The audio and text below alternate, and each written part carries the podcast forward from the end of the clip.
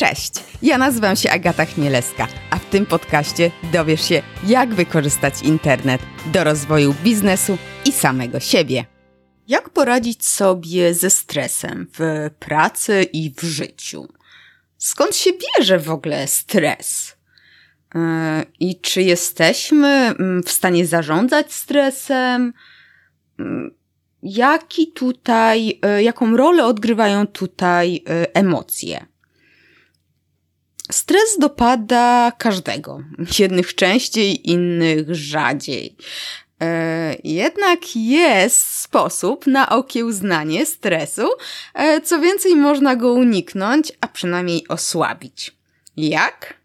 O tym opowie Krzysztof Skubis, którego od jakiegoś czasu czytam i podziwiam za to, jak potrafi w przystępny sposób wytłumaczyć dla wielu abstrakcyjne tematy, a przynajmniej dla mnie abstrakcyjne. E, posiłkuje się przy tym przykładami oraz pytaniami pomagającymi zrozumieć zagadnienie. Pytaniami do czytelnika. E, Krzysztof z wykształcenia jest magistrem fizyki i doktorem nauk medycznych.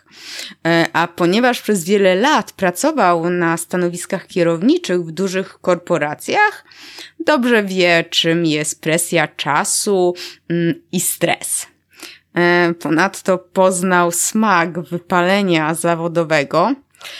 No i obecnie pomaga ludziom radzić sobie ze stresem, no bo wie, z czym to się je. E, nim zaczniesz słuchać e, naszej rozmowy, w podziękowaniu za wiedzę, jaką e, się Krzysztof z nami podzielił, wypełnij proszę krótką ankietę. Zajmie ci dosłownie 3 minuty. Krzysztof mierzył z zegarkiem w ręku. Jej wyniki pomogą Krzysztofowi napisać książkę o stresie. Ankieta znajduje się pod adresem skris.pl stres, myślnik główny, myślnik problem. Oczywiście bez polskich znaków. E, I link do, mm, do tej ankiety znajdziesz w notatkach do tego podcastu mm, pod adresem achmieleska.com łamane na 74. A teraz zapraszam do słuchania. Cześć Krzysztofie. Cześć Agata. Co dobrego u Ciebie słychać? No, u mnie dużo dobrego słychać, ale najmocniej żyję teraz tym, że mamy psa. O. Dopiero od kilku dni wychodzę z nim na spacer, mieszkamy tu na wsi. A w sferze biznesowej przymierzam się do napisania książki wow. E, już od kilku miesięcy. E, I nie zacząłem jej pisać, bo sobie uświadomiłem, że ta książka to trochę jest taki mój pomysł na to, gdzie ludzie mają problem ze stresem. A to niekoniecznie każdy ma w tym samym miejscu, co ja miałem. I teraz zatrzymałem trochę książkę, przygotowałem taką krótką ankietę, trzy pytania, jedno obowiązkowe, dwa można opuścić i zbieram informacje od ludzi, którzy są zainteresowani jakąś pracą ze stresem. Daję też nagrodę za wypełnienie ankiety, e, taki bardzo fajny mm, e, plik opisujący technikę podnoszenia nastroju. I to jest to, o czym żyję, bo teraz e, no, chciałbym jak najwięcej osób zaprosić do wypełniania tej ankiety, żeby mieć jakąś statystykę i potem książka będzie się odnosiła do tych najczęściej spotykanych problemów. Nie wiem, ile tam będę w stanie objąć, bo nie chodzi o to, żeby książka miała 5000 stron, tylko żeby się dała przeczytać, prawda? Dokładnie, dokładnie. Więc tutaj e, słuchaczy od razu prosimy o wypełnienie ankiety. E, link podamy w, w notatkach na pewno. I w mediach społecznościowych też na pewno gdzieś y, wrzucę.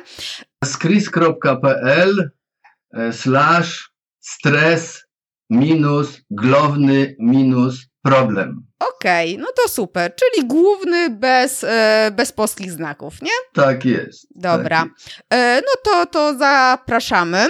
A jak już mówimy o stresie, bo właśnie o stresie chcę z Tobą porozmawiać, o stresie w pracy, bo to jest, podejrzewam, że popularny temat nawet jak nie mamy typowo stresującej pracy, e, to najpierw mi powiedz proszę, bo stres, co to jest w ogóle stres? Co, jak, jaki jest jego mechanizm działania? Bo to jest troszeczkę takie dla mnie, e, no, abstrakcyjne pojęcie.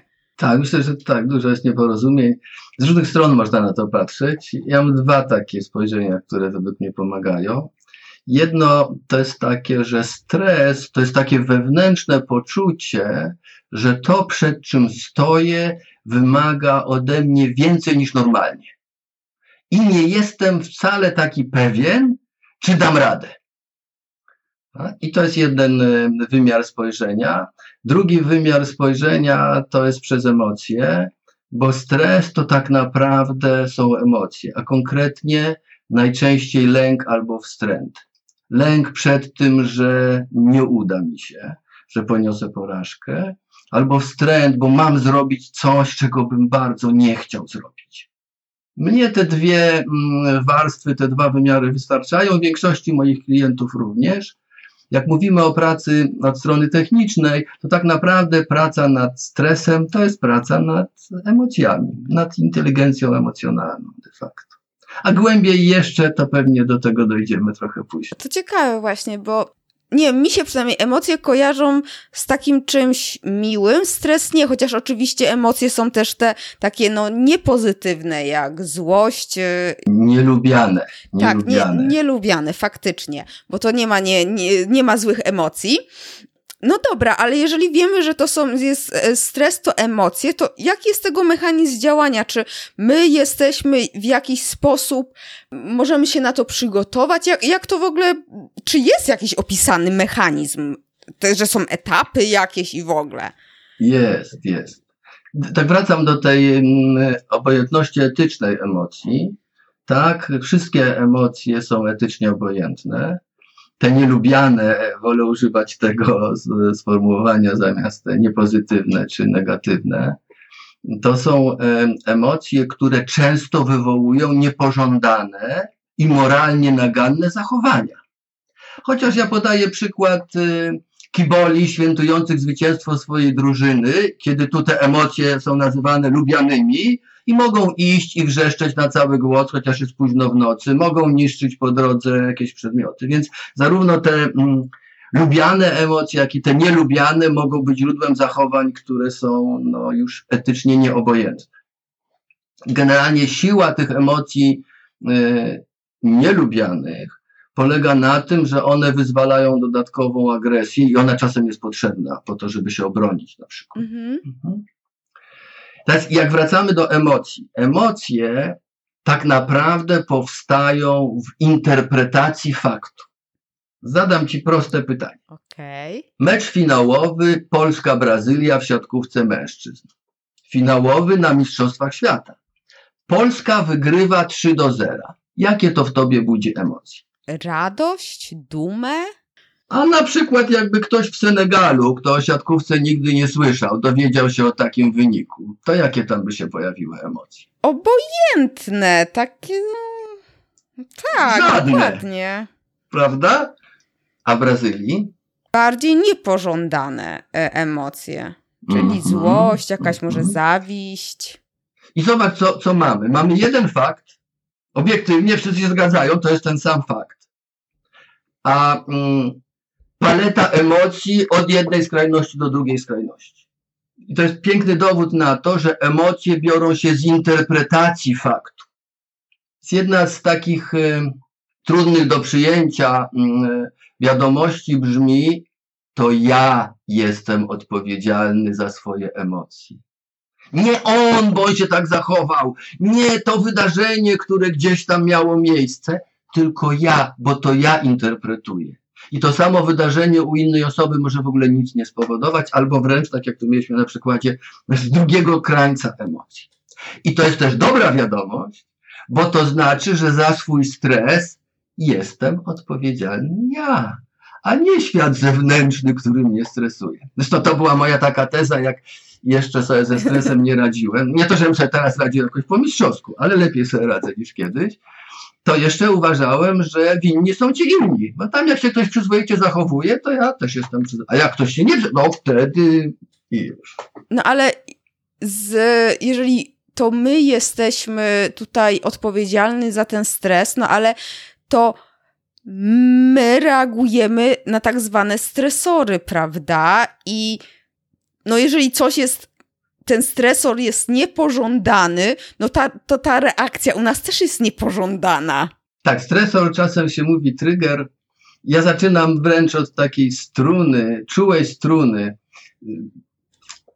Emocje są domeną tak zwanego mózgu ssaka, czyli ciało migdałowate, e, które jest szybsze niż umysł naczelnych.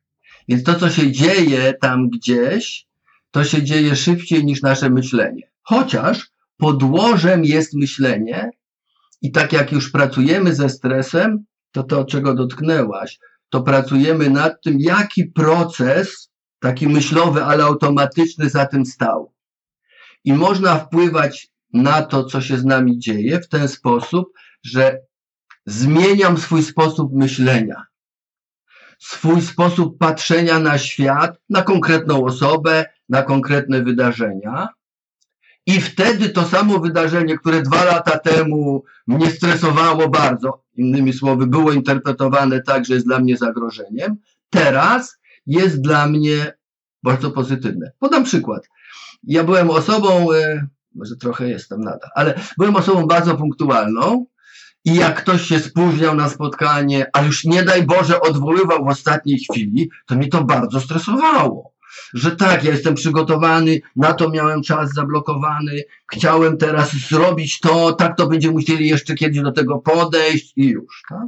Nie, nie powiem, że od razu parę lat mi to zajęło, żeby przestawić umysł na takie patrzenie, okej, okay, on odwołuje spotkanie, a jestem zadaniowcem, o tu mam listę swoich zadań, ona zawsze jest duża, jak to fajnie, bo tego nie muszę robić, w to miejsce zrobię dwa inne.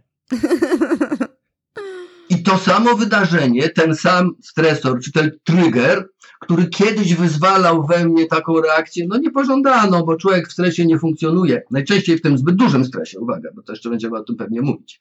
W zbyt dużym stresie nie funkcjonuje optymalnie. Odcina się dostęp do niektórych zasobów pamięciowych, odcina się dostęp do słownictwa, odcina się dostęp do logicznego myślenia. W zasadzie w stresie nie ma po co prowadzić dyskusji, bo ona niczego nie wniesie, być może poza inwektywami na pewnym poziomie. Więc jest jedna z taka technik upuszczania para, albo nawet technika stop, żeby już, jak jestem na tym poziomie emocji, to koniec, tak? Y, I wrócę do tych sześciu obszarów, które są e, przez e, mózg Saka interpretowane, każdy z nich jako zagrożenie życia. To jest status, autonomia, sprawiedliwość, przynależność, pewność i są jeszcze oczekiwania. I teraz status. Jeżeli ktoś mówi coś o mnie, co w mojej interpretacji obniża mój status, to ten mózg ssaka gdzieś tam wraca do przeszłości, oczywiście w przenośni. Kiedy byliśmy w plemieniu, no jak mam obniżony status, to to grozi tym, że będę dostawał mniej jedzenia i mogę umrzeć. Zagrożone jest moje życie. Taka jest interpretacja. Tak, jak ktoś narusza mój status, w mojej interpretacji to zagrożone jest moje życie. To ja muszę zareagować mocno, bo walczę o swoje życie. Potem autonomia. Ktoś mi mówi, że mam to robić tak, a nie inaczej, to znowu on mnie poucza, jak mam polować, a ja uważam, że tak jak polowałem do tej pory było dobrze. Jak się przychylę do tego, co on mówi, to będę mniej skuteczny, to będzie zagrożone moje życie, bo będę miał mniejszą dawkę jedzenia. Sprawiedliwość. Jeśli znowu w mojej interpretacji zostałem potraktowany niesprawiedliwie, to za chwilę to grozi tym, że będę niesprawiedliwie dostawał mniejsze porcje jedzenia. To zagrożone jest moje życie. Przynależność. Jeśli ktoś mówi, że ja się nie nadaję do tej pracy w tym wypadku, to dla mnie, dla mojego mózgu saka. On tam się w niuanse nie bawi. To oni mnie chcą wyrzucić z plemienia. To poza plemieniem ja nie przetrwam. To zagrożone jest moje życie. Jeśli ja mam jakieś oczekiwania, bo to jest piąty obszar, oczekiwania związane z e, czymkolwiek i nagle się okazuje, że ktoś tych oczekiwań nie spełnia, no to jest tak, jakbym oczekiwał, że dostanę jedzenie, a go nie dostałem. No to zagrożone jest moje życie. No tak. I ten szósty, najtrudniejszy do, do wyplenienia, ale też najbardziej bezsensowny obszar, to jest oczekiwanie pewności. Chcę mieć stuprocentową pewność, że nic nigdy mi się złego w tym nie wydarzy. I teraz, jak ktoś tylko wspomni o tym, że no jest jeden taki członek naszego plemienia, o którym by można powiedzieć, że mógłby dawać siebie więcej, to ja już nie mam pewności, czy to nie jest mowa o mnie. I oczywiście dalej może to mm, spowodować, że mnie wyrzucą. To zagrożone jest moje życie. I te, te sześć obszarów powoduje, że reagujemy za mocno. Czyli biegnie nam ten poziom emocji już do poziomu kortyzolu. Na początku jest tak, że e, istnieje takie pojęcie eustresu. Czyli takiego stresu, który dodaje. Pisze o tym fajnie e, Gladwell w takiej książce Błysk, potęga przeczucia, I to są fakty, a nie jakieś tam dywagacje teoretyczne, że człowiek w stresie optymalnym potrafi podnieść ciężar trzy razy większy niż podnosi normalnie. Że człowiek w stresie optymalnym dostaje coś jakby spowolniony czas. Tam są opisy policjantów, którzy działali w takich sytuacjach wytrenowanych. On unosił broń w moją stronę. W tym czasie ja wyciągnąłem swoją, strzeliłem trzy razy. Raz trafiłem go w oko, raz w ucho, raz w policzek. Dostaje się też widzenie lunetowe, mhm. ale nic nie słyszałem. Słuch jest odcinany. Natomiast jeżeli ten nie mamy tej kontroli, to to sobie biegnie, w pewnym momencie zaczyna się wydzielać kortyzol. I to już jest stres taki zbyt wysoki, który powoduje, że krew odpływa od rąk, od nóg, to człowiek zastyga w bezruchu, puszczają zwieracze między innymi, krew napływa do głównych mięśni, czyli do klatki piersiowej, no bo z tej e, sytuacji tam e, z czasów jaskiniowców, no to coś mnie zaraz uderzy, jakieś zwierzę pędzi w moją stronę, już nie mam gdzie uciec, ono jest szybsze i tak dalej. Tak. To jest oczywiście nieoptymalne i zazwyczaj kończy się tym, że, że nie funkcjonujemy dobrze. Nasz problem polega na tym, że mózg ssaka nam nie służy, bo nasze życie praktycznie nie jest zagrożone. I te wszystkie reakcje takie wywołane przez moją interpretację, czyli te związane ze stresem, są nadmiarowe. I tam jest znowu sześć różnych typów reagowania, czy też radzenia sobie ze stresem. Każdy z tych naturalnych sposobów jest na krótką metę skuteczny, a na dłuższą metę szkodzący. Tak jak ktoś bierze pigułki przeciwbólowe za każdym razem, jak go coś zaboli, to tak samo w tym obszarze stosowanie tych naturalnych mechanizmów krótkofalowo pomaga, a długofalowo niestety szkodzi. Ale w tych obszarach, e, o których wspomniałeś, no to są, mogą być emocje takie lęku, tak? Ale też złości. To wtedy chyba e, nie, czy złość też e, powoduje stres? Znaczy tak, nie powoduje stresu, emocje są częścią składową stresu. Okay. Generalnie e, lęk się pojawia jako pierwszy. Ja też odróżniam, nie tylko ja, to nie jest wszystko, ja sam wymyśliłem, pewnie, pewnie. gdzieś to wyczytałem, mi to pasuje i tak dalej. Odróżniam lęk od strachu, bo lęk jest nieracjonalny, lęk jest niedookreślony. Ojejku, co to będzie? Ratunku, jakie będzie nieszczęście? Mam jutro prezentację. Ojejku, co to będzie?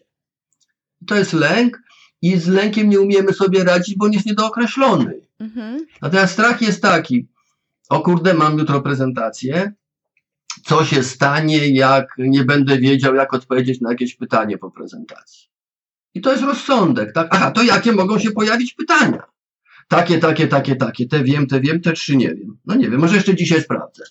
Albo okej, okay, no tak się pojawi takie, nie sprawdziłem, powiem, że sprawdzałem, nie wiem. Mam duże doświadczenie akurat w tym obszarze, nie mam. No trudno, doszukam, podeślę i jestem sobie w stanie ze strachem radzić. A teraz, jak mam lęk taki niedookreślony, on sobie rośnie, no to się pojawia na przykład złość albo agresja, tak? I teraz mamy trzy naturalne mechanizmy funkcjonowania w takiej sytuacji. Jeden to jest zaatakować. To przez niego! To on mi kazał tę prezentację robić. Pójdę mu nawrzucam. Niech sam sobie prowadzi. Tak?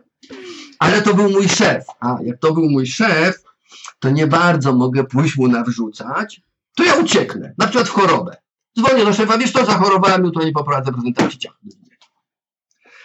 Ale też nie mam takiej opcji, bo szef siedzi obok i widzi, że wcale nie zachorowałem. No ta trzecia opcja, taka z tych e, starych czasów, to jest zastygnięcie w bezruchu. No bo to jest tak, mam przeciwnika, który jest silniejszy, chciałbym uciec, ale jest szybszy. Nie ucieknę, bo mnie złapie. Więc to jest trzecia, ostatnia opcja. Czasem widać, jak gady tak się zachowują. Jaszczurka wybiegła na ścieżkę, widzi, że są ludzie, nie rusza się. Mnie tu nie ma, albo jestem martwa, to po co będziesz mnie jadł? Martwego nie warto jeść, może jestem popsuty. A ludzie sobie to przerobili i się podlizują.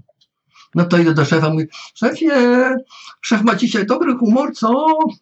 No, bo jednak ja tam prezentację to tak bym wolał przełożyć na za tydzień. Da się, prawda? To szef jest dobrym szefem. Więc się podlizuje. Niestety wszystkie te trzy mm, decyzje też są podejmowane automatycznie. Więc y, w pewnym sensie, jeżeli nie umiem, to jest taka najpewniejsza technika, nie umiem monitorować stanu swoich emocji przez cały czas i stosować odpowiednich technik, żeby one się mieściły w pewnym zakresie, to jak już ten kortyzol się e, wyzwoli, to koniec.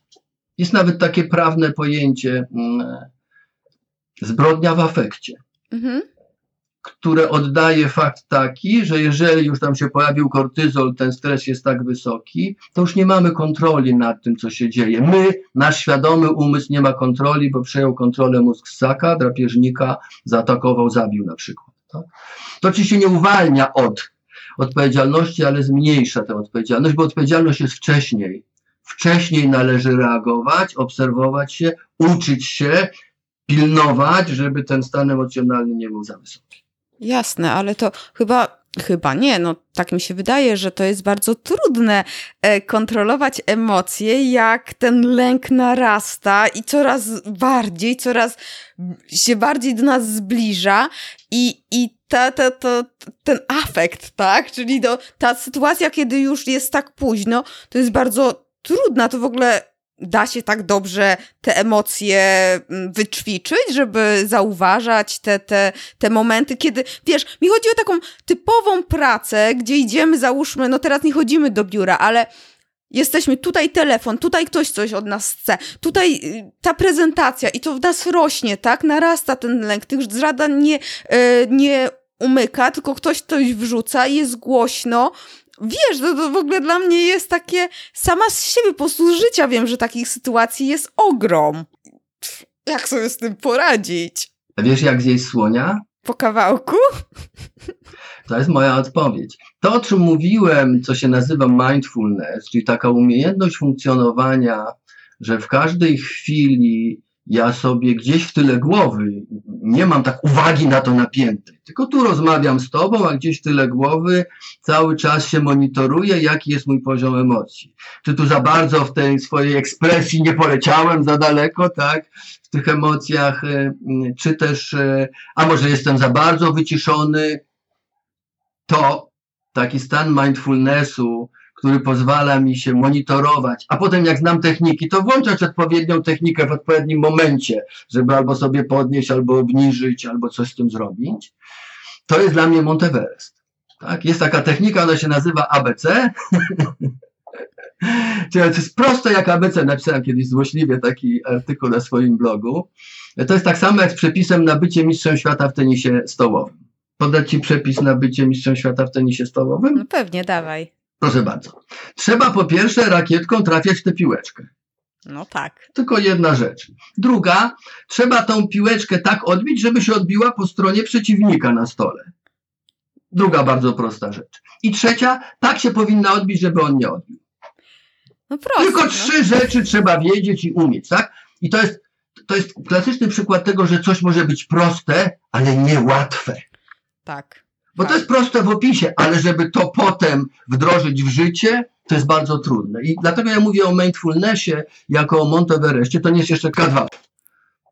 K2 to jest relacja z rodzicami emocjonalna. Okej. Okay. Więc y, mindfulness jest tylko Everestem, ale no wiemy, że nie każdy i nie od razu wchodzi na Monteverest, to trochę trzeba popracować. Mm. Człowiek, który wprowadził pojęcie inteligencji emocjonalnej, mm, Daniel Goleman mówi o tym, że są cztery stopnie jakby takiego e, zarządzania emocjami. Pierwszy stopień to jest świadomość swoich emocji. Nie każdy z nas jest świadomy. Mam przykład e, swój, ale też bardzo wielu mężczyzn, jak dużo mity społeczne szkodzą. Taki mit społeczny, chłopaki nie płaczą. Co on powoduje? On powoduje, że chłopak, jak jest jeszcze dzieckiem, to jest też mój przypadek, ale nie tylko mój, no to rozumie, że nie powinien okazywać emocji. No i próbuje nie okazywać, ale widać go na, to na jego twarzy. To co on potem? On próbuje nie mieć emocji. W zasadzie nie da się nie mieć emocji, ale można się od nich odciąć. I ja miewam klientów, którzy przychodzą i mówią, ty, a, ale jak to jest czuć emocje? No ja mówię, a jak jest czuć ciepło albo zimno? No czuję, że jest ciepło, albo, no to z emocjami, a ja tak nie czuję. No i można odzyskać ten kontakt. Więc pierwsza rzecz to jest taki poziom podstawowy, żeby mieć kontakt ze swoimi emocjami. Ja mam tam e, taką technikę, czy wiesz, co czujesz? Przez dwa tygodnie sobie człowiek notuje. Jest słownik, jest obrazek, jak te emocje tam jedne w drugie przechodzą, ze sobą sąsiadują, głębsze, płytsze. Można patrzeć na to, co się dzieje i sobie notować. I w ten sposób odzyskiwać kontakt ze swoimi emocjami. No to jest pierwszy stopień. To, że ludzie nie mają kontaktu ze swoimi emocjami, to jest pewien margines. Większość z nas ma. Ale to nie znaczy, że umie nimi sterować. Nawet część osób myśli, że nie można sterować emocji. No bo jak? One się najpierw pojawiają, a potem dopiero mam świadomość tego, że się pojawiły po swoim zachowaniu i to jest znowu mit. Nieprawda. Tak? Można wpływać na swoje emocje na dwa sposoby.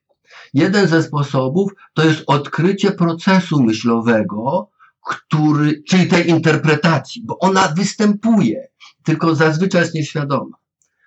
Podam przykład klienta, który miał trudną relację z matką e, i reagował bardzo mocno na, na takie słowa, jak do niej jeździł, no nareszcie.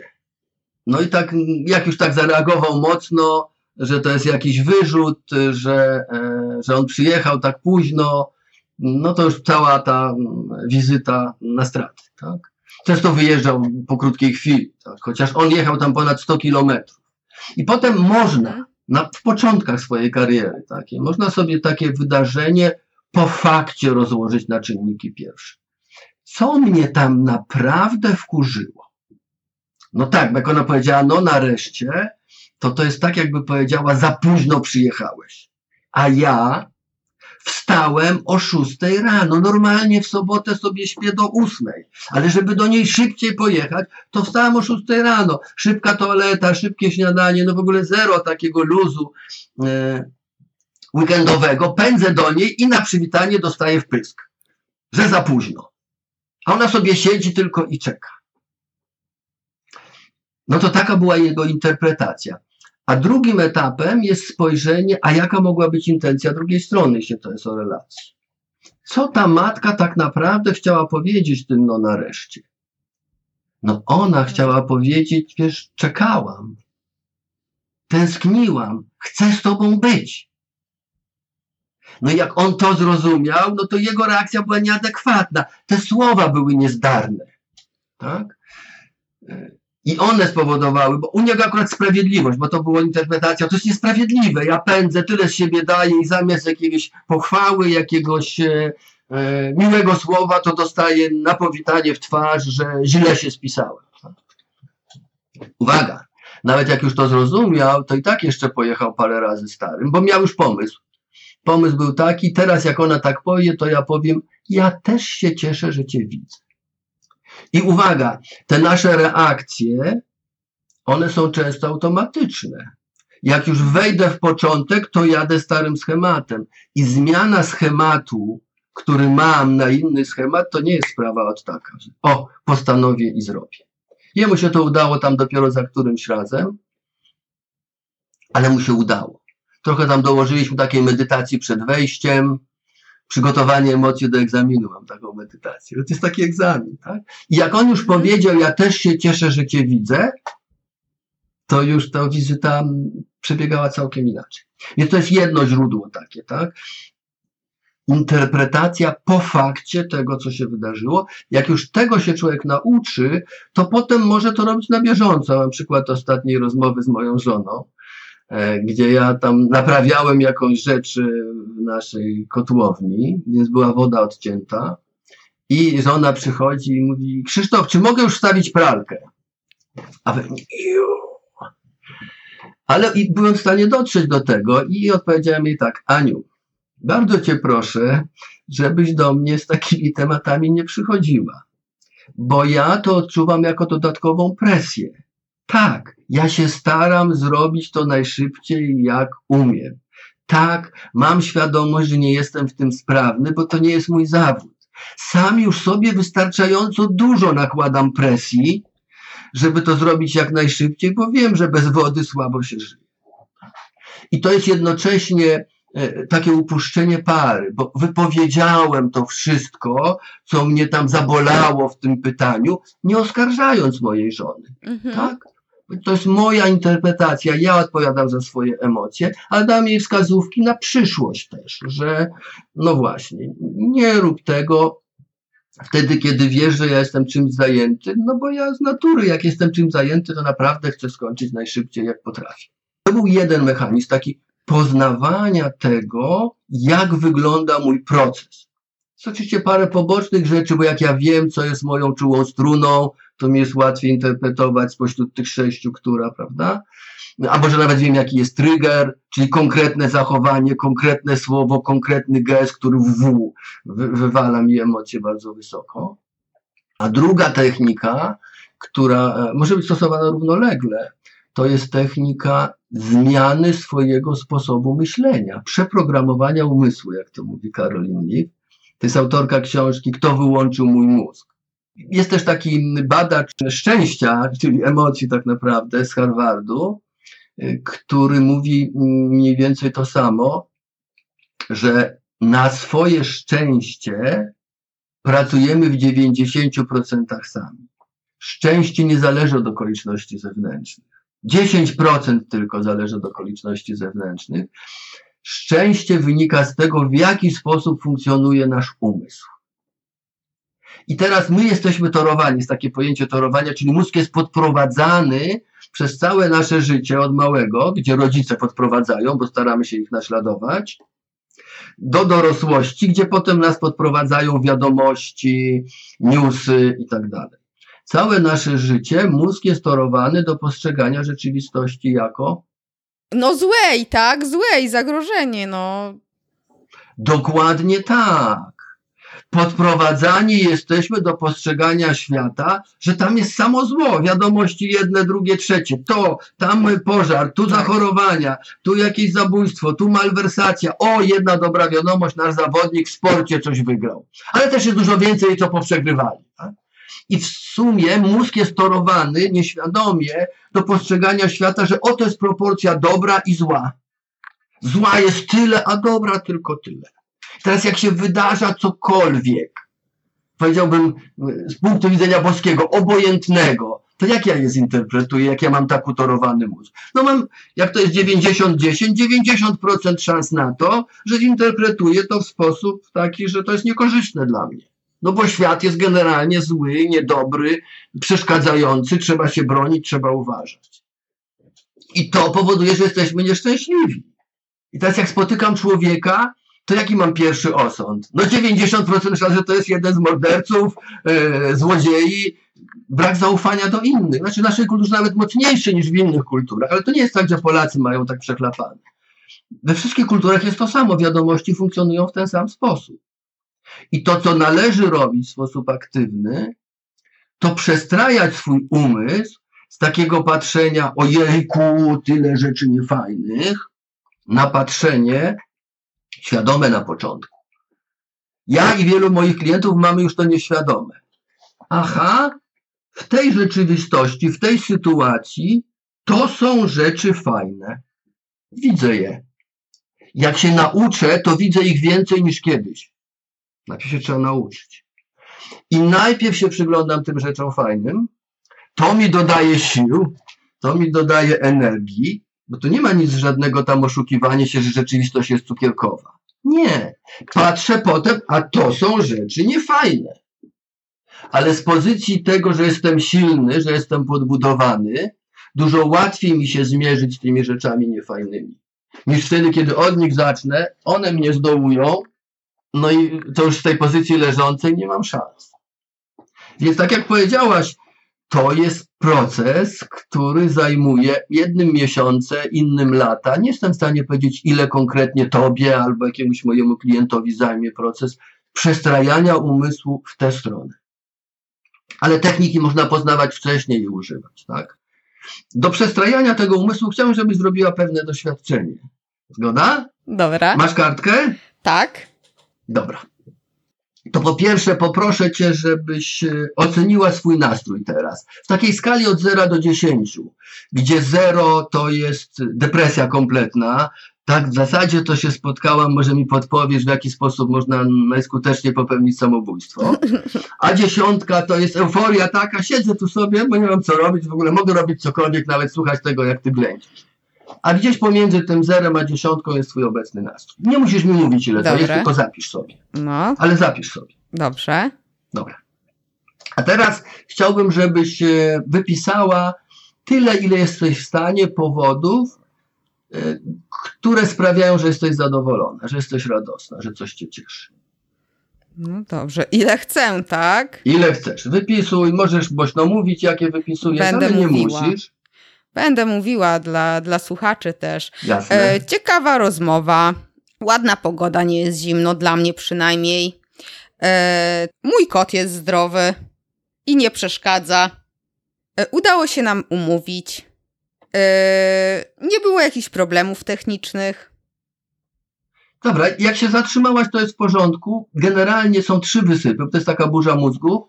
Więc jak ktoś to będzie sobie robił, to warto przeczekać. Jak się wyczerpie pierwszy wysyp, pojawi się drugi, potem jeszcze warto przeczekać, pojawi się trzeci. Chyba z pięć powodów podałaś, prawda? Sześć. Nie, pięć, tak. Pięć, pięć. Dobra. A teraz o ten swój nastrój. No, myślę, że tak jeden więcej może być. O właśnie. I to jest bardzo, jak widać, proste ćwiczenie. To jest typowe ćwiczenie, które jest proste i łatwe. Znaczy nie dla wszystkich. Ja na początku miałem kłopot, żeby trzy wypisać powody. Tak miałem ten umysł skierowany, no trochę też przez e, to, z jakiej rodziny pochodzę, tak? Gdzie tam się głównie patrzyło, tego ci Krzysiek brakuje, tego, tego, tego, tego, to jeszcze trzeba poprawić, to jest to, to, to, to, to. To wszystko, co było dobrze, to się o tym nie mówiło, bo po co? Wiadomo, że mam dobrze, nie? Co kiedy zrobiłem listę swoich tam talentów i innych, a tu listę braków, no to tak, tak, tak. proporcja była taka, że tego dużo więcej, ale ja miałem fokus na to, na te braki, tak? I znalezienie takich powodów do zadowolenia było dla mnie fenomenalnie trudne. Teraz robię po 10 powodów trzy razy dziennie, 7 razy w tygodniu bez żadnych problemów. I to, co jest istotne, to to robi dwie rzeczy, bo to daje już, na już, na teraz podniesienie nastroju, to co zauważyłaś, jak się już robi 10 powodów i 3 razy dziennie, to mniej więcej plus 2 jest średnia. Ciekawe, ciekawe. Tak? W tej skali 0 do 10 ludzie, którzy do mnie przychodzą, mają zwykle nastrój 6 na ten proces mentoringowy, dostają tę technikę, zaczynają jej używać, no jest 8, 8, 8, 8, 8, 6. O, co się stało? A zapomniałem robić. Aha. Ale długofalowo to, to też przestawia umysł właśnie w tę stronę, żeby patrzeć najpierw na te rzeczy, które są fajne w rzeczywistości, na te, które mi podnoszą nastrój. Tak. No tak, wiesz co, ja, znaczy ja tutaj zaznaczyłam na początku 7, później 8, ale ja też mhm. nie będę ukrywała, że ja co jakiś czas sobie wypisuję właśnie, próbuję to praktykować, czyli co dobrego mnie dzisiaj spotkało. E, jako, że nie codziennie, bo ja jestem ambitna, ale leniwa, e, więc, więc nie udaje mi się to codziennie, ale to, że ja właśnie zaczęłam zauważać coś takiego, że nie było problemów technicznych, ja wcześniej bym tego nie zauważyła. Właśnie to, że ja co jakiś czas szukam, że zmuszam się, zmuszam się, no chcę znaleźć te pozytywne rzeczy, nie? Że, żeby... Bardzo dobrze w pewnym momencie trzeba jeszcze uważać, żeby to nie były społecznie akceptowalne. A, bo jestem zdrowa. Nie choruję od pięciu lat, to to, że jestem zdrowy, to naprawdę nie sprawia, że jestem bardziej radosny. Gdybym dopiero co zachorował i wyzdrowiał, tak? I to jest jedna rzecz. Ja też odwołuję się czasem do przeszłości. Na przykład polecam ludziom, którzy mają kłopot y, z wynalezieniem, na przykład listę swoich sukcesów. I jak mam powód, trudność ze znalezieniem powodu, to zaglądam do listy sukcesów, losowo sobie wybieram, bo uwaga, ten sam powód powtarzany wielokrotnie się wycieka. i przestaje już sprawiać radość. Tak? Ja mam takie powody. Monitor sobie fajny kupiłem, tak gdzieś za dwa tygodnie mi sprawiał radość. Codziennie sobie przypomniałem, jaki fajny monitor mam, jak się cieszę, ojejku, ojejku, ojejku. A teraz no, mam go już tyle czasu, on się nie zmienił, tak? ale już tam nie podnosi mi nastroju, już muszę szukać innego. Wystarczają drobne powody. Ja lubię owoce, jakie fajne gruszki żona kupiła. I to potrafię sobie przypomnieć ze trzy razy, zwłaszcza jak zjem gruszkę, oj kurczę, jaka fajna gruszka, idealna gruszka, tak? Albo mam coś zaplanowane fajnego, albo wczoraj się coś fajnego zdarzyło. E, to używam wszystkiego, tak? Co teraz mnie cieszy, ale nie musi być mhm. teraz. Ono może być wczoraj, ono może być sprzed pięciu lat, bo na przykład w kalendarzu mam wpisane pięć lat temu dostałem bardzo dobrą podwyżkę. Fajnie, raz na rok sobie to przypomnę, to działa. Tak, pamiętam, to była duża podwyżka, bardzo fajnie się wtedy poczułem. Codziennie sobie powtarzam, to na pewno by nie działało. Więc jest dużo źródeł tych e, elementów, które mogą podnosić nastrój. A podniesienie nastroju ma dwa elementy w sobie, bo jeden to jest taki, że w wyższym nastroju ja mam większą efektywność, większą produktywność. Po prostu szybciej, łatwiej pracuję, dostarczam produkty większej jakości. Sean Accord, już wspomniany badacz z Harvardu, mówi nawet, że produktywność osób szczęśliwych jest o 30% wyższa niż takich normalnych a u sprzedawców nawet 37. Nie wiem skąd ta różnica, ale wierzę mu, że w Harvardzie badania się robi w sposób porządny i nie puściliby mu pracy, gdyby tam były jakieś niedociągnięcia. Ale ja z punktu widzenia stresu mówię o tym, że im wyższy nastrój, to jest trochę taka technika prewencyjna, tym rzadziej się stresuje.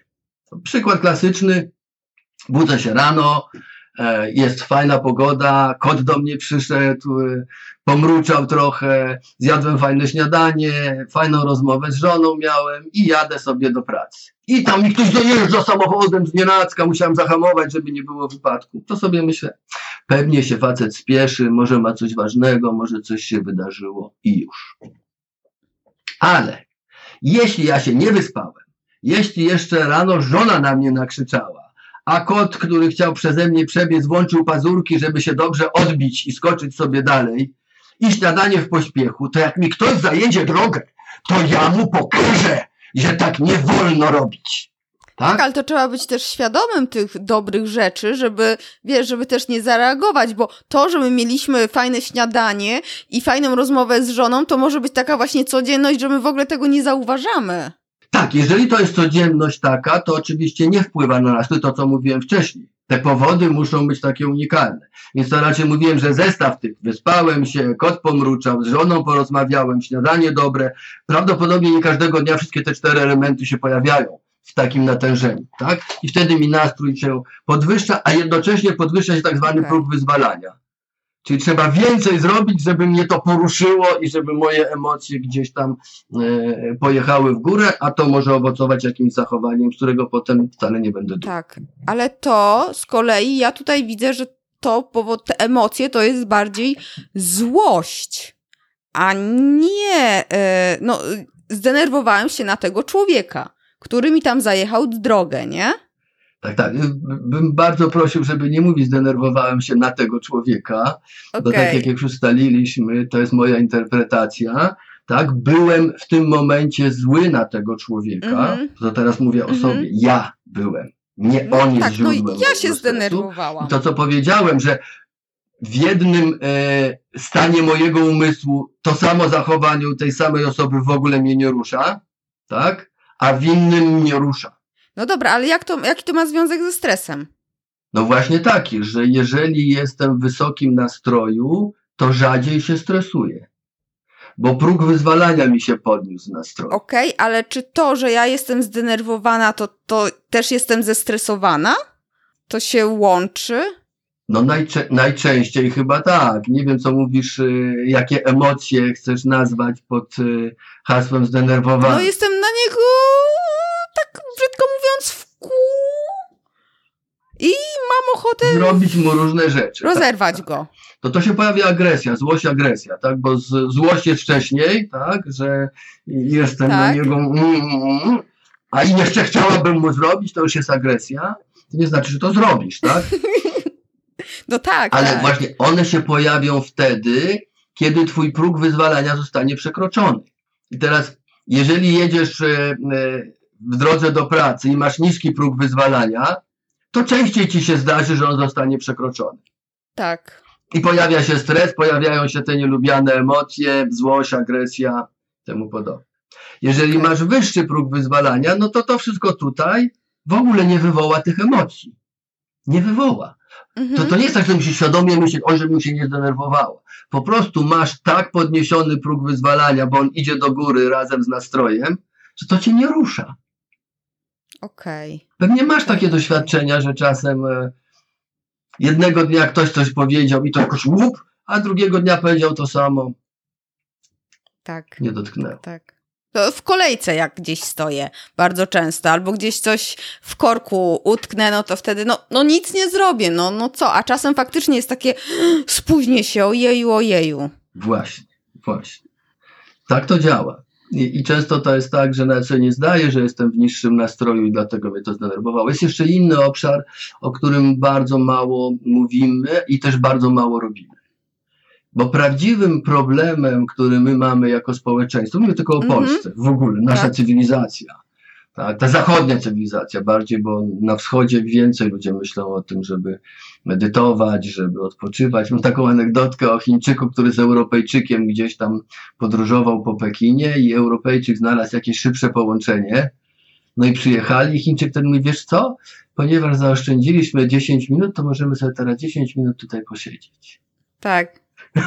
prawda? No w ogóle z punktu widzenia cywilizacji zachodniej. My mamy problem taki, że żyjemy w stałym, niewielkim, mm. ale stałym stresie.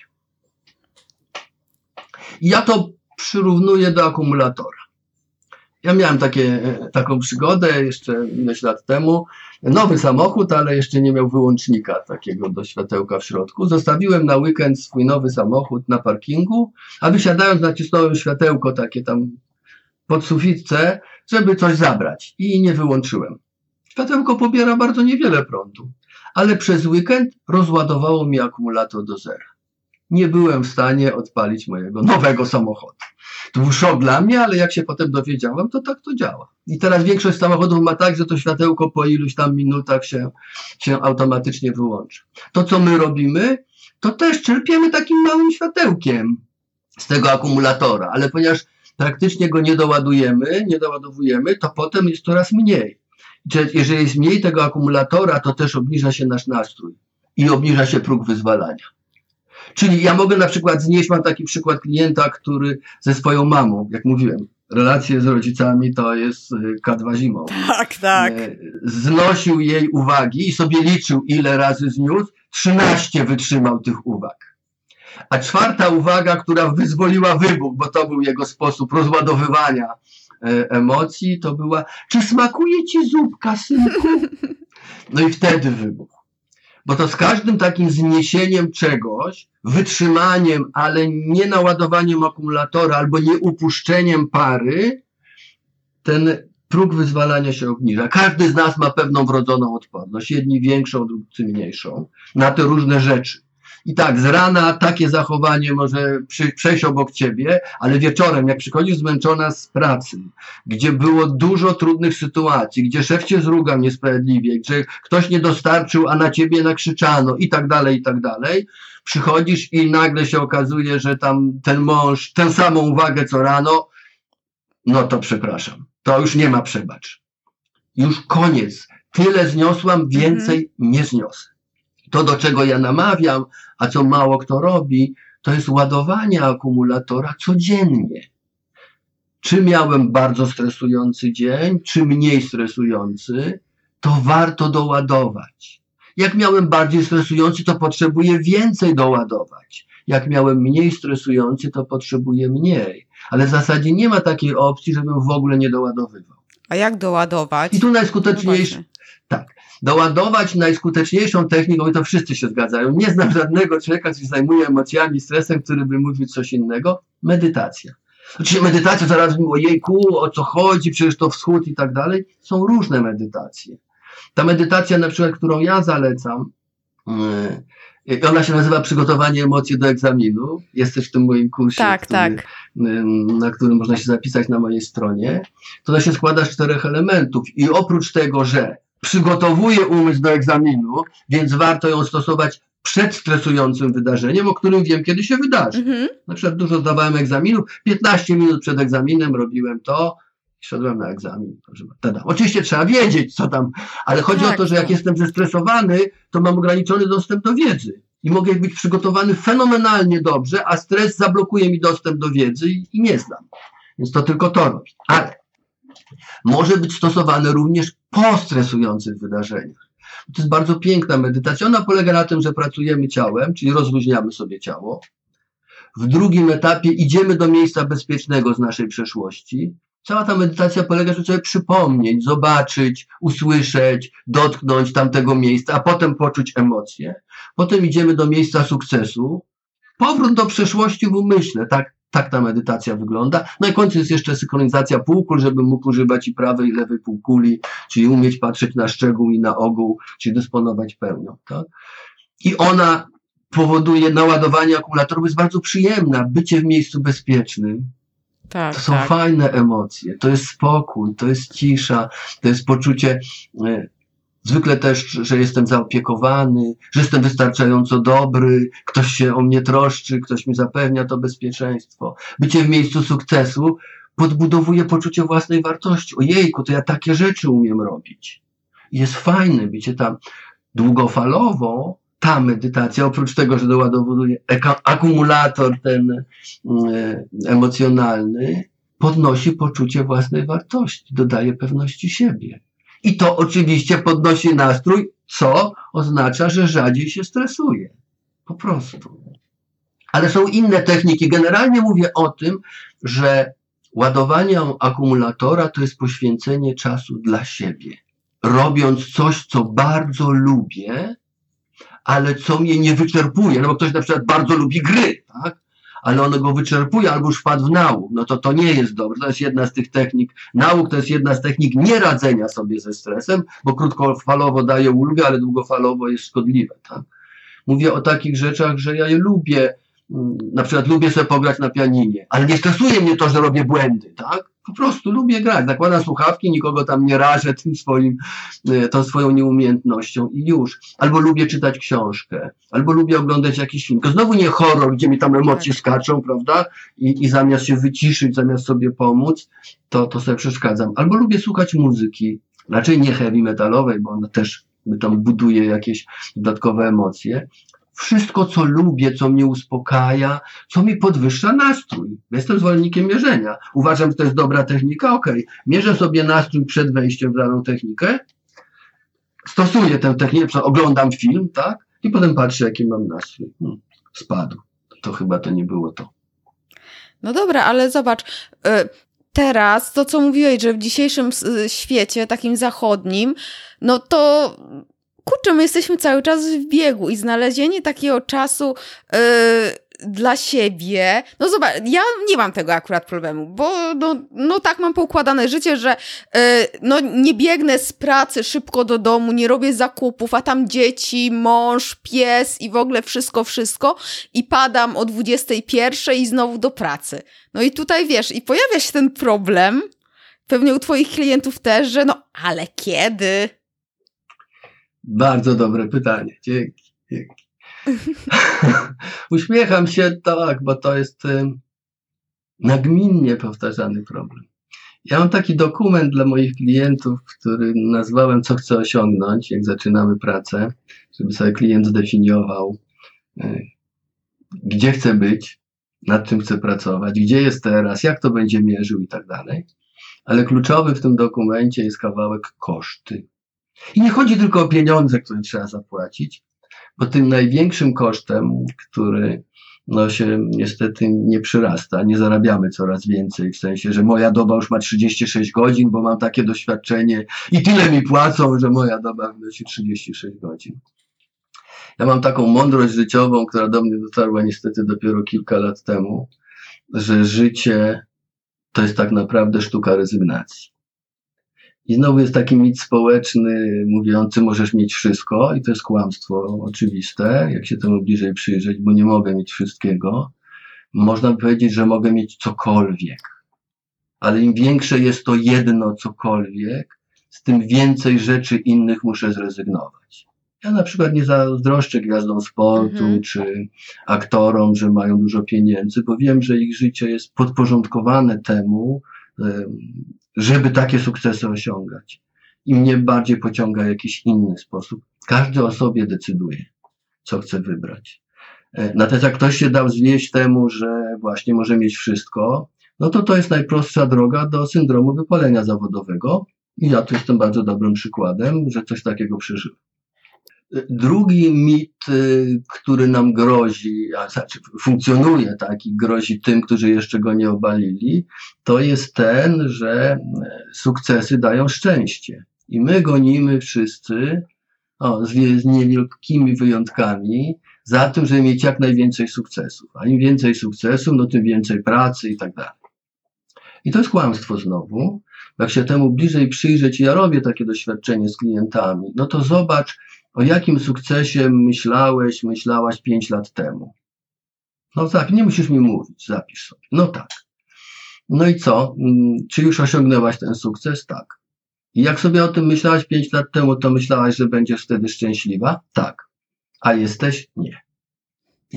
Jeden z moich klientów mi przytoczył Paris Hilton, która gdzieś tam w wywiadzie się zdradziła, że ona uważa, że będzie szczęśliwa, jak będzie miała miliard dolarów na swoim koncie. A teraz nie jest szczęśliwa? Nie, bo ma tylko 600 milionów. E, brzmi śmiesznie i być może nie jest to dobry przykład, ale myślę, że nikt z nas nie jest wolny od tego, jeśli myśli w tych kategoriach, że miał więcej pieniędzy, to będzie szczęśliwszy. Jak już będzie miał tyle, i to są też doświadczenia tych klientów, którzy tak, kiedyś myślałem, że będę miał tyle pieniędzy, to już będzie spokój. A nie, teraz przesunąłem poprzeczkę. Bo to tak działa. Tak. Przesuwamy poprzeczkę za horyzont. Możesz biec ile chcesz do horyzontu, nigdy nie dobiegniesz. I dopóki sobie tego nie powiesz i nie uświadomisz, to będziesz tak biec i biec jak ten e, osiołek, który ma marchewkę na kilku przed nosem, myślę, że w końcu do niej dobiegnie. I teraz, jeżeli już to wiem, to mogę podjąć świadomą decyzję, w co chcę zainwestować swój czas. E, jest taka technika koła życia. Tak, Jakby ktoś był zainteresowany, na moim blogu jest też o, artykuł na ten temat. Super. Tak. E, I tam można sobie ściągnąć plik, który potem e, pozwala zobaczyć, czy rzeczywiście w te obszary, które są dla mnie ważne, inwestuję czas. Bo moje doświadczenie jest takie, jak już ludzie na to patrzą, rzadko kto patrzy, no to wydzielają jakieś obszary swojego życia, po czym się zdecydują, że a, to najważniejszy w tym momencie jest ten i nad nim chcę pracować, a i tak się okazuje, że praca zajmuje najwięcej, tak? No tak, e, taka jest. A tam, prawda. mimo że jest taki ważny, prawie w ogóle się czasu nie inwestuje, bo ta praca przysłania. I jak się to zobaczy, to wtedy już warto podjąć jakieś decyzje. Tak? I to, co mówię w tym dokumencie, co chcę osiągnąć, to trzeba się zdecydować, z czego ja zrezygnuję, żeby móc się zająć tym. Bo nie przybędzie godzin, nie przybędzie minut na dobę. Z czegoś mam zrezygnować. Prawda jest taka, że my dużo czasu marnujemy. Tak, 24 godziny to jest bardzo dużo czasu i spożytkowujemy go nie w taki sposób, w jaki nam służy. Tak, popadamy w różnego rodzaju nałogi, uzależnienia, spędzamy czas bezproduktywnie, wcale nie rozładowując swoich emocji, tylko robiąc coś, co jeszcze bardziej wyczerpuje ten akumulator i tak dalej. Tak jak ludzie siedzą z założonymi e, nogami jedna na drugą, tak? To szkodzi kręgosłupowi, ale po pewnym czasie organ się tak przystosował, że inaczej się w ogóle niespecjalnie daje siedzieć. Tak? No a, a potem się nagle objawia, ojej, ja mam problem z kręgosłupem. No tak, pracowałeś na to, mówię też o sobie, przez wiele lat, tak, żeby sobie ten problem wyprodukować. Tak samo wyprodukowałem sobie ileś tam problemów związanych z nieumiejętnością zarządzania stresem. Jasne.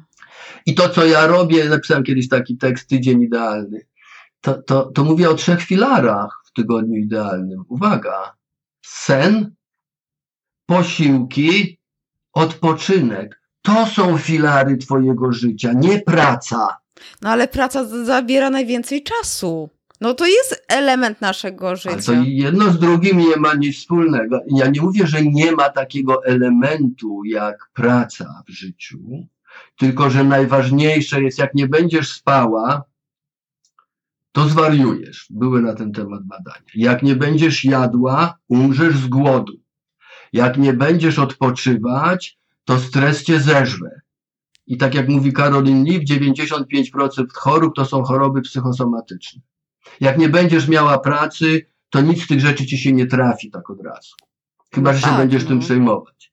Bo ktoś ci będzie pomagał, ktoś cię będzie wspierał, są też jakieś tam instytucje państwowe, ale rozumiem, że aktywnie też jej szukasz.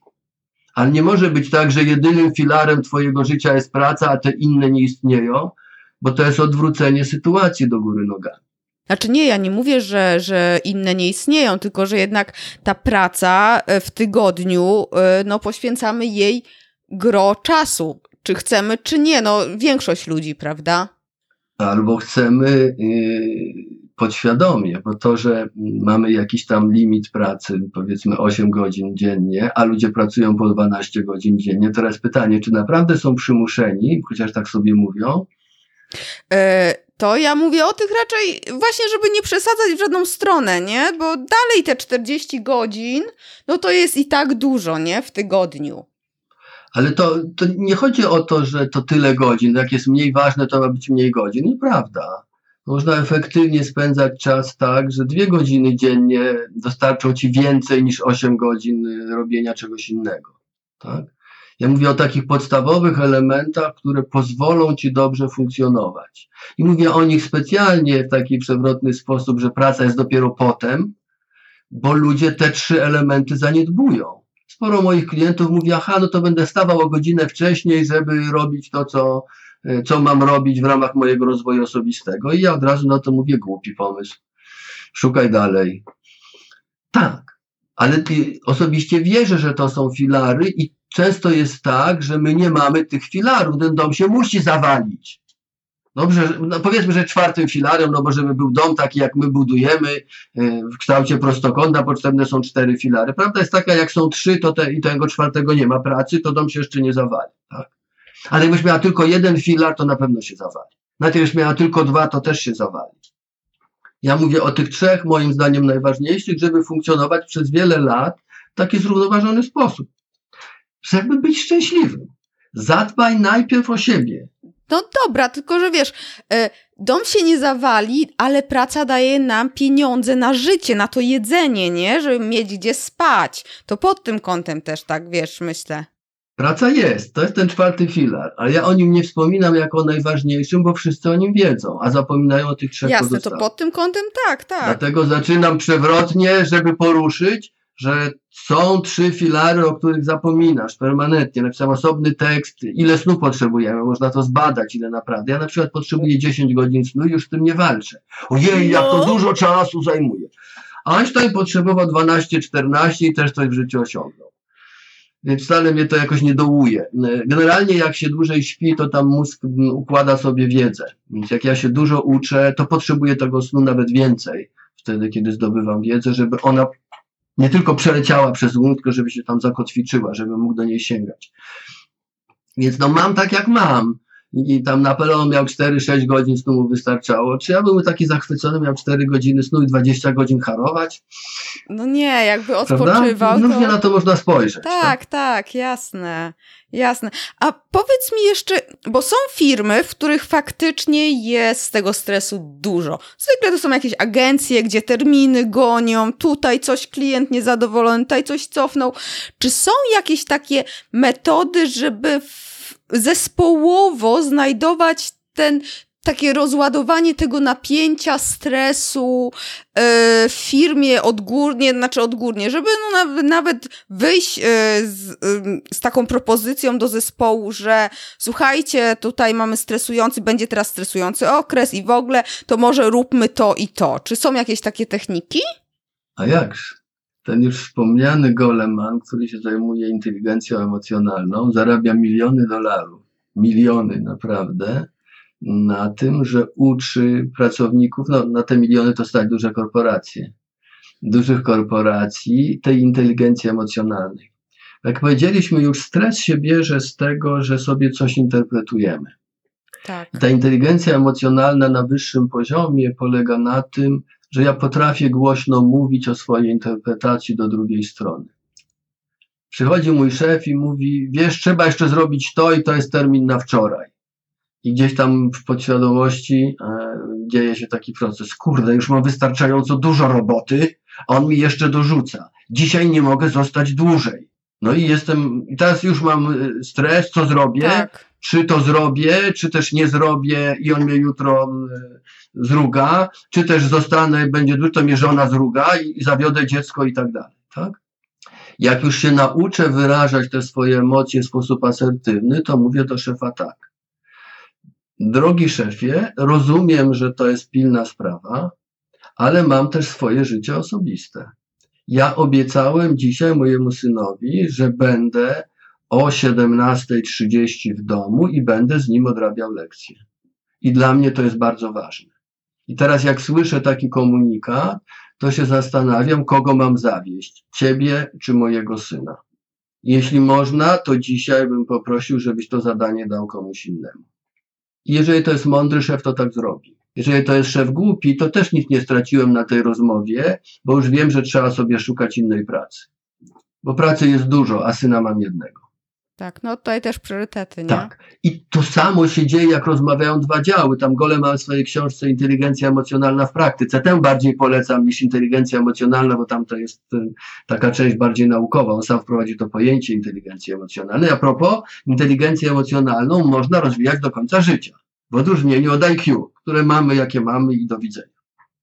I to więcej, on udowadnia, że im wyżej w hierarchii tam takich korporacji, tym istotniejsza jest inteligencja emocjonalna coraz większą wagę ma inteligencja emocjonalna, a nie to IQ. No więc on tam pokazuje przykład dwóch działów firmy, chyba Ford, ale nieważne. Jeden to był dział takich projektantów, architektów nowego samochodu, a drugi dział, który budował prototyp. Normalnie, żeby zbudować taki prototyp, potrzeba mniej więcej 3 lata i to kosztuje 200 milionów. No takie są tam koszty, tak? Ale się sprzedaje tego potem tyle, że to się zwraca. Wiadomo, one nie dokładają do interesu. I jak on zaczął z nimi pracować, że oni zaczęli mówić głośno to, co im się nie podoba, i tam było szereg przykładów, to w skrócie, projekt trwał chyba niecały rok i kosztował 80 milionów. Bo oni na przykład potrafili, jak dawniej tego nie robili, potrafili powiedzieć, wiesz co, tak jak to jest zaprojektowane, ten wydech to dla nas to jest 700 razy więcej roboty niż gdy było zaprojektowane tak. Dlaczego tak zaprojektowałeś? I tamten może coś wyjaśnić. Wiesz to, w sumie to wszystko jedno. Tak sobie zaprojektowałem. I pach, ileś pracy, y, która poszłaby w gwizdek, bo, bo trudno im powiedzieć, że oni są bęcwałami, ci architekci, którzy takie kształty y, wydechu projektują. Poszłoby w gwizdek, bo by to zrobiono z tym wielkim wysiłkiem, z wielkimi kosztami, z dużym nakładem czasu, a tu przez to, że powiedziano to, czy nie tak, ty jesteś bęcwałem i to źle robisz, tylko ja mam z tym problem, czy możemy z tym robić coś innego, wyprostowało sytuację. Ja generalnie mam takie przekonanie poparte doświadczeniem, że większość trudnych relacji bierze się z nieporozumień. Tak, komuni- ja tutaj cały czas słyszę komunikacja, tutaj cały czas komunikacja tak. międzyludzka, nie? Tak, tylko my nie potrafimy komunikować swoich emocji, a one są kluczem, bo tam, gdzie są emocje, tam są oceny. Każda ocena to jest emocja. Czy on coś powiedział, ja zinterpretowałem, że no właśnie, źle mnie ocenił, albo nadużywa mojej cierpliwości, ale mu tego nie mówię i już mam wobec niego takie nastawienie, że tak, on to w pewnym momencie zauważa. Nic takiego nie zrobiłem. Co to za bęctwo, że tak jest do mnie nastawione? No to dobra. No i już się zaczynamy naparzać. I są techniki, nawet byłem kiedyś na dwudniowym kursie, który się nazywał Crucial Conversations które prowadzą do tego, żeby sobie uświadomić skąd, bo my bardzo szybko oceniamy. Ile czasu potrzebujesz, żeby ocenić drugą osobę? Szybko, no to na podstawie, wiesz, tak to... Ta, ta ocena taka pierwsza, taka powierzchowna oczywiście, no to jest kilka minut rozmowy. Aha, aha, aha, aha. O, Chciałbym. Szybciej? E, większość danych mówi, że tam południowcy potrzebują 7 sekund, a Skandynawowie aż 14. No to super. Ale ostatnie badania w Stanach pokazały, że wystarcza nam mniej niż sekunda. Niewiele mniej niż sekunda duża, duża statystyka, więc ja wierzę tym badaniom. Ja jestem doktorem nauk medycznych, na statystyce się znam i pilnuję, żeby się powoływać tylko na źródła, w których widziałem, że tam było sporo, e, sporo ludzi badanych. I teraz to, co mówisz, powierzchowna. Otóż ten mózg ssaka nie ma czegoś takiego jak powierzchowne. jest ocena i końcu ona jest pewna. Każda hipoteza, która została przyjęta, nie ma takiego miejsca, a ona ma 20%, ta ma 70%, ta ma 90%. To jest pewnik. To nasze szufladkowanie odbywa się automatycznie w podświadomości. Jak kogoś nie lubię na pierwszy rzut oka, bo to przecież jedna sekunda, i nie odświeżam tego, nie wyjmuję, nie przyglądam się, i o tym jest ten trening Crucial Conversation, jakie fakty spowodowały, że ja go nie lubię. Bo przecież w takim głupim kapeluszu. I z tego powodu go nie lubię, no żadnego innego nie znajduję. No tak. A, no to spokojnie, wyjmuję go z tej szufladki. No nie, na, na tej podstawie wyciągam wnioski. Nawet w tym podejściu to ja też mówię, jak chcesz naprawiać relacje, to co mówiłem o tej relacji pomiędzy synem i matką, tak? To zobacz sobie, jakie są możliwe interpretacje zachowania drugiej strony pozytywne. Tak, masz swoją interpretację taką, ona jest niesprawiedliwa, mówi mi, że za późno, dała mi wpysk. Ale być może jej interpretacja była taka, bardzo za tobą tęskniłam, chcę być z tobą jak najdłużej, cieszę się, że cię widzę. Tylko wyraziła to w sposób nie taki. I on nawet już z nią nie rozmawiał o tym. On uznał, że to jest prawdziwa interpretacja. Że ona chce się z nim spotykać, chce być z nim dłużej. Ale często jest tak, że ja sobie rozpisuję te wydarzenia, których jest zwykle niewiele, jedno, dwa, trzy i już mam obraz osoby, przypominam o torowaniu umysłu do postrzegania rzeczywistości jako niesprzyjającej, tak? Więc nie obarczam się winą, że tak mam, no tak wszyscy mamy. Wyciągam te fakty, rozpisuję je, szukam takiej interpretacji, że one były obojętne albo nawet pozytywne i ewentualnie idę i rozmawiam o tym. Nie na zasadzie zarzucając, a ty na mnie napadłeś, tylko wiesz co, jak, jak powiedziałeś coś takiego, to ja tak trochę się poczułem niepewnie. Powiedz, co, co, o co ci chodziło? I nagle się okazuje, że ja poleciałem w tę stronę, ale w ogóle w przeciwną. Wątek, y, który on chciał pociągnąć, nie miał nic wspólnego z tym, że się przyczepiłem do tego jednego słowa. Tak jak ten syn, tak? Się przyczepił do słowa nareszcie, że ono ma w sobie wyrzut. A tam nie było intencji. Tak, tak? to była interpretacja.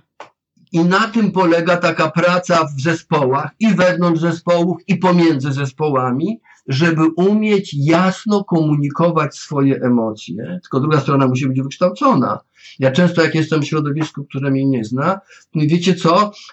Emocje mi po, poszły w górę. Ja nie bardzo mogę kontynuować tę rozmowę. To jest mój problem, te emocje to jest mój problem, ale ja się po prostu wyłączam. Tak, już teraz nie jestem w stanie myśleć logicznie. I już. Jak ja tak powiem komuś, wiesz co, moje emocje poszybowały, to ten, o, to on mi zarzuca, że przeze mnie, a ja przecież nic takiego nie powiedziałem i się nagle robi taka e, znowu naparzanka, że on mnie oskarży. Ale tam, gdzie pracuje Goleman, czy ludzie, którzy zajmują inteligencją emocjonalną, to już obie strony są wyedukowane. Już sobie można mówić, wiesz, jak powiedziałeś to, to ja poczułem to. Mhm. I nie dostaje się z drugiej strony, no co ty zgłupiałeś? Ja wtedy żonie odpadam, przepraszam, ale nie mów mi, co ja czuję. Nie zgłupiałem, mówię ci, co czuję. Nie obarczając ciebie winą za to, że to czuję, tylko ci mówię, że mam inny stan emocjonalny niż na początku rozmowy i będzie nam trudniej rozmawiać, bo im wyższe emocje, tym trudniejszy dostęp do logicznego myślenia, do pamięci, do innych zasobów. Więc być może nawet za chwilę zaparkujemy tę rozmowę. To się nazywa technika stop wtedy. Tak? Mhm. Mówię, już to zaparkujmy tę rozmowę, bo tak jestem zdenerwowany. Nie twoja wina, ja tak mam że potrzebuję, żebyśmy przerwali, może za dwa, trzy dni do ciebie wrócę i, i pociągniemy ten temat już na spokojnie. A ja sobie w międzyczasie zinterpretuję, skąd mi się wzięło to zdenerwowanie i też ci o tym opowiem. Bardzo trudne. Znaczy, bardzo trudne z takiego punktu y, spojrzenia, jak to się odbywa, tak, na, na co dzień. Trudne jest, bo dwie strony muszą chcieć i to rozumieć. I, i tak być, no, świadome. Wiesz co, mam taką odpowiedź dla moich klientów, a cóż ci zrobienia rzeczy łatwych? A no. Masz jakąś radochę, jak zrobisz coś bardzo łatwego? Ja nie. Zależy co, no. Czasem jest, są fajne, łatwe rzeczy. Raczej rzadkość niż norma. Natomiast jak zrobię coś trudnego, tak jak ostatnio wysiadła nam tam e, taka lampa ultrafioletowa w naszej kotłowni i okazało się, że zasilacz wysiadł, a nowy 600 zł. Ja sobie to rozgryzłem w internecie, że kluczowa część kosztuje 50. Jakim prawem oni chcą 600 zł ode mnie? I sam zrobiłem ten zasilacz. No to taką miałem radochę, bo to było dla mnie trudne, ja się tym nie zajmuję, tak? Zajęło mm -hmm. mi tam mhm. ileś roboczo godzin, ale zrobiłem, jestem z niego dumny, teraz jak chodzę do kotłowni, taką radochę, o proszę. Bo było trudne, jakbym to zrobił tak, tak, to pewnie bym tak długo się tym nie cieszył. Jeszcze dzisiaj się cieszę, chociaż już miesiąc temu to zrobiłem.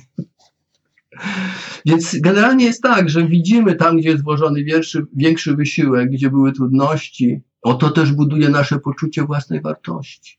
Łatwe rzeczy nie budują poczucia własnej wartości. Mam kolejny sukces na mojej liście, do którego mogę wracać. Tak?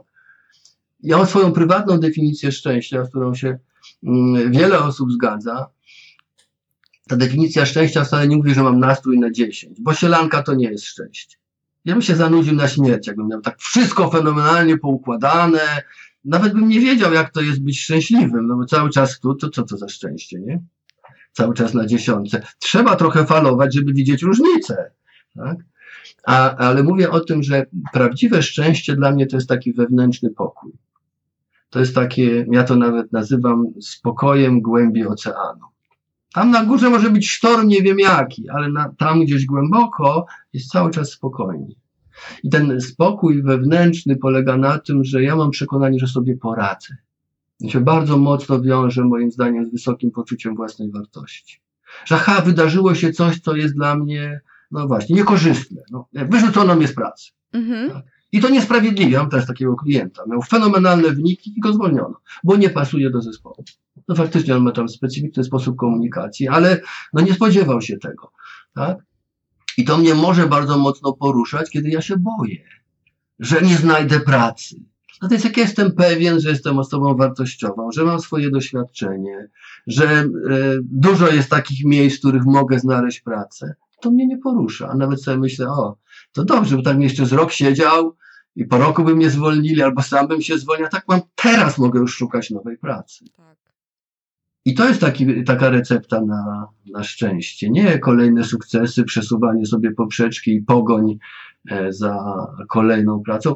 Fajne Tatarkiewicz pisze w takim traktacie o szczęściu. Cienka książeczka, polecam z czystym sumieniem, bo nie dużo czytania, a bardzo dużo mądrości.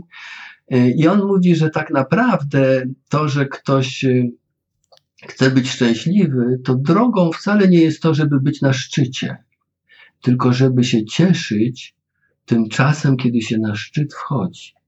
Każdy z nas, jak sobie uświadomi jakiś swój wielki sukces, to szybko zauważa, że się cieszył tym sukcesem nieproporcjonalnie krótko do czasu, y, jaki spędził, żeby wypracować ten sukces.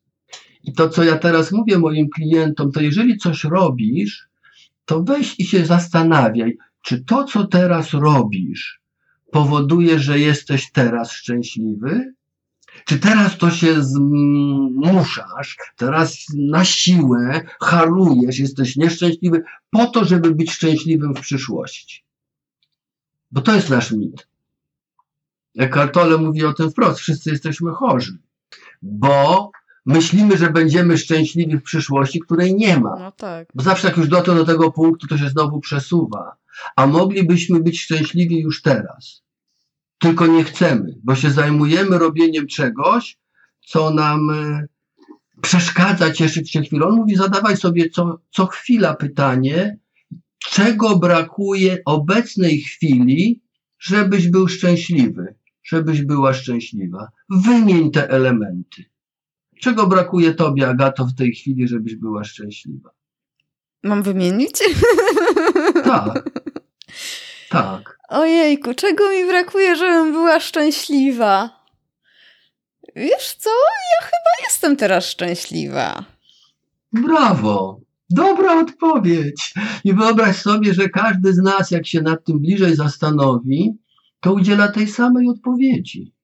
Tak, mam jakieś plany, żeby mieć czegoś więcej, i teraz kluczem jest, wybieram takie cele, do których droga, i to jest teza Tatarkiewicza, sprawia mi przyjemność. Idę w tamtą stronę jestem szczęśliwy. I nic się nie stanie, jak nie dojdę do mety.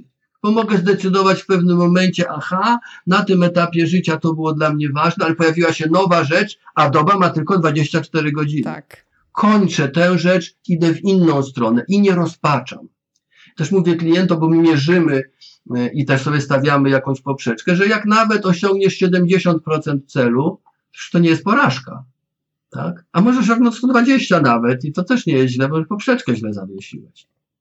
Ale będąc w takiej trasie, która sama w sobie jest dla ciebie czymś fajnym, czymś, co powoduje, że jesteś e, zadowolona, szczęśliwa, radosna, to nie przejmuję się tym, czy tę poprzeczkę przeskoczę powyżej czy poniżej. Po prostu sama droga jest radością. I wtedy jesteśmy przez większość czasu szczęśliwi.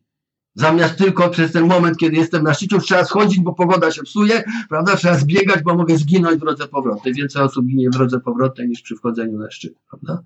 A już radości nie ma. To znowu ten mit o, o tych sukcesach i o tym, jak one wpływają na szczęście. Tam może być moment euforii, tak zwany. Tak. Mam takie okresy, moment euforii. Ojej! Myślałem, że to się nie uda, a jednak po tylu latach, po tylu e, e różnych tam doświadczeniach no tak jak tutaj e, rozmawiamy, jak Ciebie słucham, no to tutaj takie dwie ważne rzeczy, w sumie też nie tylko w temacie stresu, ale ogólnie w życiu. To są właśnie emocje, poznanie takich siebie, rozumienie tego, co się w nas dzieje, no i komunikacja. To są takie tutaj faktycznie dwa obszary, nad którymi warto także w temacie stresu pracować. Ja powiedział, że one są kluczowe, bo my się komunikujemy w sposób intelektualny, a tak naprawdę jako społeczeństwo nie umiemy się komunikować na poziomie emocjonalnym. Interpretujemy tylko swoje zachowania, że ktoś ma takie emocje albo inne, ale nie umiemy o nich mówić. To jest tak, jakbyśmy, no właśnie, komunikowali się w jednej trzeciej. Tak? A, a reszta co? Tak, fajnie e, pisze o tym nie pamiętam autora, ale jest książka W co grają ludzie, e, że mamy e, jakby trzy elementy swojego funkcjonowania psychicznego. E, zwykle surowy dorosły, taki, który jest wymagający, to jest ten wewnętrzny krytyk. Taki, to się często nazywa surowy rodzic, żeby odróżnić od dorosłego, czyli człowieka, który patrzy na życie w sposób taki obiektywny. I, i dziecko, Dziecko, które zarządza emocjami, które chce tu i teraz, nie chce tam żadnych odroczonych nagród i temu podobne. I w naszej cywilizacji zachodu głównie słuchamy surowego rodzica, rzadko posługujemy się dorosłym, a już dziecko jest kompletnie ignorowane. Tak?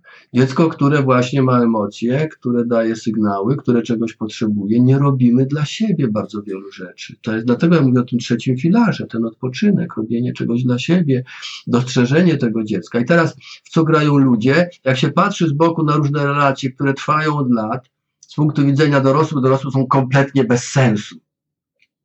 Bo tak naprawdę tam się nie toczy rozmowa, dialog, jakkolwiek to nazywać, pomiędzy dwoma dorosłymi, tylko na przykład pomiędzy surowym rodzicem a krnąbnym dzieckiem. I tu dziecko ma taką korzyść, że ono i tak nie robi tego, co ten surowy rodzic mówi, a surowy rodzic ma e, nagrodę z tego, że może ukarać to skromne dziecko. I taka jest zabawa. Kiedy ktoś patrzy na to z boku, z pozycji dorosłej, kompletnie bez sensu. Dawno powinni się rozstać, a się nie rozstają, bo mają te korzyści takie niezdrowe. Polecam tę książkę, tam jest mnóstwo takich klasycznych gier, które uprawiamy. E, odkrytych, nazwanych, opisanych, jak to wygląda, na jakim poziomie jest ten, ten zysk, a, a tu na, na tym dorosły, dorosły jest absolutna szkoda. Tak? Jak się nauczymy mówić, i to jest ważniejsze, często się mówi, że sprzedaż polega na tym, żeby tam pod świadomością, w emocjach coś się zdarzyło, to sobie mogę mówić cokolwiek tam, jak tam, pod spodem, dogadają się nasze podświadomości, to będzie deal. Kupujemy emocjonalnie, bo tak. Ocena to są emocje, a potem dorabiamy intelektualne uzasadnienie, dlaczego akurat kupiłem to. Gdybyśmy się nauczyli komunikować w tym obszarze, byłoby nam dużo łatwiej. Ale to trzeba zaakceptować swoje emocje, zgodzić się na nie, że one są, że one są potrzebne, bo emocje się pojawiają wtedy, kiedy dzieje się coś dla mnie ważnego. I ja się cieszę, jak się pojawiają emocje. Cieszę się, jak moja żona się na mnie zdenerwuje. Bo mówi, wiesz co, cieszę się, że się denerwujesz, teraz chciałbym zrozumieć, co spowodowało, że się zdenerwowałeś? Gdzie jest ta ważna rzecz, której dotknąłem nieświadomie i to spowodowało twoje zdenerwowanie? To się będziemy lepiej rozumieć. No tak. Słuchaj, super. Ja Ci bardzo dziękuję. Świetna rozmowa. Oczywiście do y, tych książek, artykułów podlinkuję, będzie w notatkach do podcastu. Przypominamy jeszcze o ankiecie, prawda? Przypomnij adres. skris.pl slash stres minus główny minus problem bez polskich znaków, czyli główny. Oczywiście, tak. W notatkach też będzie na pewno i, i tutaj będziemy wdzięczni, żeby e, wypełnić ankietę. I wziąć nagrodę, i wziąć nagrodę. To tak, jest ta technika, o, tak. którą tutaj trochę zaprezentowaliśmy, ale opisana w szczegółach, również z takimi best practices, z ostrzeżeniami, co robić, jak się nie udaje, gdzie szukać e, jakichś punktów zaczepienia, żeby osiągać lepsze wyniki. Super, super. Tak, wszystko będzie podlinkowane, wspomniane. E, ja polecam szczerze e, blog Krzysztofa, bo tak właśnie poznałam, trafiłam i, i tutaj e, dlatego teraz rozmawiamy. Jest naprawdę ogrom wiedzy i, i fajnie, że udało się spotkać i porozmawiać. Dziękuję Ci ślicznie. Słuchaj, to ja Ci dziękuję, że mnie wynalazłaś, że mnie zaprosiłaś i no szczerze mówiąc, jesteś fenomenalnym słuchaczem. Mam nadzieję, że Cię nie przetłoczyłem swoim gadulstwem, ale mam taką tendencję do objaśniania, żeby jak najwięcej przekazać. Bardzo nie, Ci było naprawdę bardzo, bardzo ciekawe. Dzięki, trzymaj się, pa. Dzięki, Ty też.